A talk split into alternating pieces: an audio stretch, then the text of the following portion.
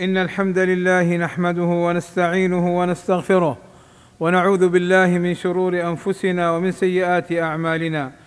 من يهده الله فلا مضل له ومن يضلل فلا هادي له. وأشهد أن لا إله إلا الله وحده لا شريك له. وأشهد أن محمدا عبده ورسوله. يا أيها الذين آمنوا اتقوا الله حق تقاته ولا تموتن إلا وأنتم مسلمون. يا أيها الذين آمنوا اتقوا الله وقولوا قولا سديدا. يصلح لكم أعمالكم ويغفر لكم ذنوبكم ومن يطع الله ورسوله فقد فاز فوزا عظيما. إن أصدق الكلام كلام الله وخير الهدى هدى محمد صلى الله عليه وسلم وشر الأمور محدثاتها وكل محدثة بدعة وكل بدعة ضلالة وكل ضلالة في النار. أما بعد فإن الله عز وجل بحكمته البالغة يبتلي عباده بالسراء والضراء ليمتحن صبرهم وشكرهم.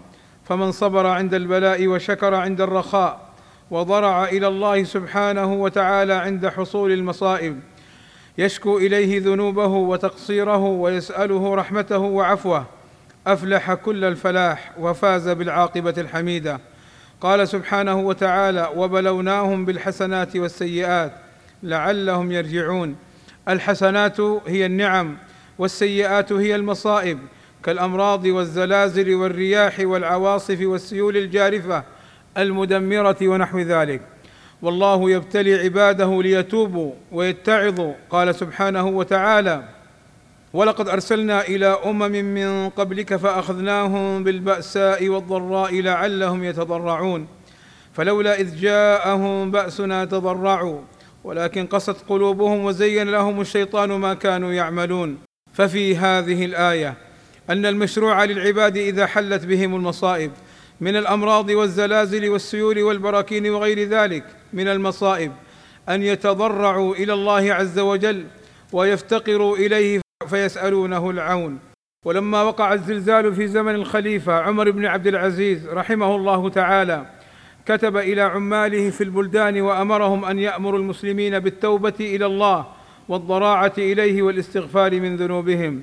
عباد الله ان ما حصل في هذه الأيام من الزلازل في سوريا وتركيا وغيرهما من بلاد المسلمين لهو من المصائب التي ابتلى الله بها العباد والتي توجب على العباد المبادرة والمسارعة بالتوبة والرجوع إلى الله.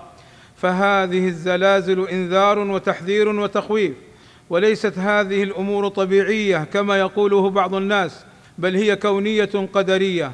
قدرها الله عز وجل وأراد أن يري العباد آياته حتى يتذكروا ويرجعوا إلى الله. لكن مع الأسف لقلة علمنا قد تمر على بعضنا وكأنها لا شيء. وقد كان الرسول صلى الله عليه وسلم إذا رأى سحابا أو غيما صار يدخل ويخرج ويتغير وجهه ويقول يا عائشة ما يؤمنني أن يكون فيه عذاب. قد عذب قوم بالريح وقد رأى قوم العذاب فقالوا هذا عارض ممطرنا. فالواجب على المؤمن أن يتعظ بها ويخاف ويخاف من هذه الأحداث. فالله قادر على كل شيء كما قال سبحانه قل هو القادر على أن يبعث عليكم عذابا من فوقكم أو من تحت أرجلكم. ويجب علينا أن نتعظ بما يحصل من آيات الله الكونية. التي لا صنع لنا فيها ولا قدرة وأن نتعظ بما يحدث بين الناس من الفتن فإن الذي قدر الفتن في أرض مطمئنة ساكنة من قبل قادر على أن يقدرها في أرض أخرى وينقل هذه الفتنة إلى أرض أخرى. فليتعظ المسلم بهذه الأحداث وليتب إلى الله. والله أسأل لي ولكم التوفيق والسداد وأن يغفر لنا الذنوب والآثام إنه سميع مجيب الدعاء. الحمد لله رب العالمين والصلاة والسلام على المبعوث رحمة للعالمين وعلى آله وصحبه أجمعين عباد الله. ان ما حصل لإخواننا في سوريا وتركيا من الزلازل والمحن أمر جلل وابتلاء عظيم. نسأل الله أن يرحم موتاهم وأن يشفي مرضاهم وأن يكشف عنهم البلاء. وإن الصدقة على المتضررين لهي من أبواب البر والخير والإحسان. ومن التواصي على الخير. قال صلى الله عليه وسلم ما نقصت صدقه من مال. وقال صلى الله عليه وسلم ليتقي أحدكم وجهه النار ولو بشق تمرة. وقال عليه الصلاة والسلام الصدقة تطفئ الخطيئة كما يطفئ الماء النار.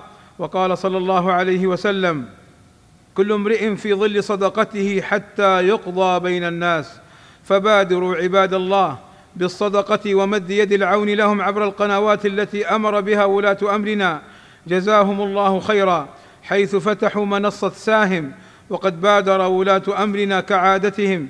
بمد جسر توصل من طريقه الإغاثة لإخواننا المتضررين في تلك البلاد. جزاهم الله خيرا. وكتب أجرهم وسدد خطاهم. واحذروا عباد الله من الذين يجمعون الصدقات والأموال بغير إذن ولاة الأمر. فإنك لا تعرف أتصل للمتضررين أم يسرقونها؟ أتصل للمتضررين أم يضعونها في جهات مشبوهة؟ ولا تنسوا إخوانكم في تلك البلاد وغيرها من الدعاء بأن يكشف الله عنهم البلاء وأن يرحم موتاهم ويشفي مرضاهم وأن يحفظهم من كل سوء. عباد الله إن الله وملائكته يصلون على النبي.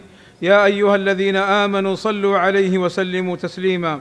فاللهم صل على محمد وأزواجه وذريته كما صليت على آل إبراهيم وبارك على محمد وأزواجه وذريته كما باركت على آل إبراهيم إنك حميد مجيد.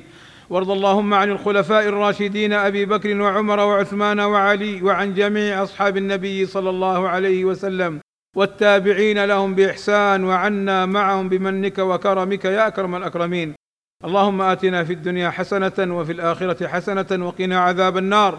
اللهم فرج همومنا واكشف كروبنا ويسر أمورنا.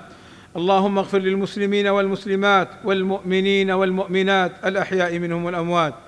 اللهم وفق ولي أمرنا الملك سلمان بن عبد العزيز وولي عهده. الأمير محمد بن سلمان لما تحبه وترضاه. وأصلح بهما البلاد والعباد واحفظهما من كل سوء. اللهم أيدهما بتأييدك. ووفقهما بتوفيقك وأعز بهما الإسلام والمسلمين والصلاة والسلام على المبعوث رحمة للعالمين والحمد لله رب العالمين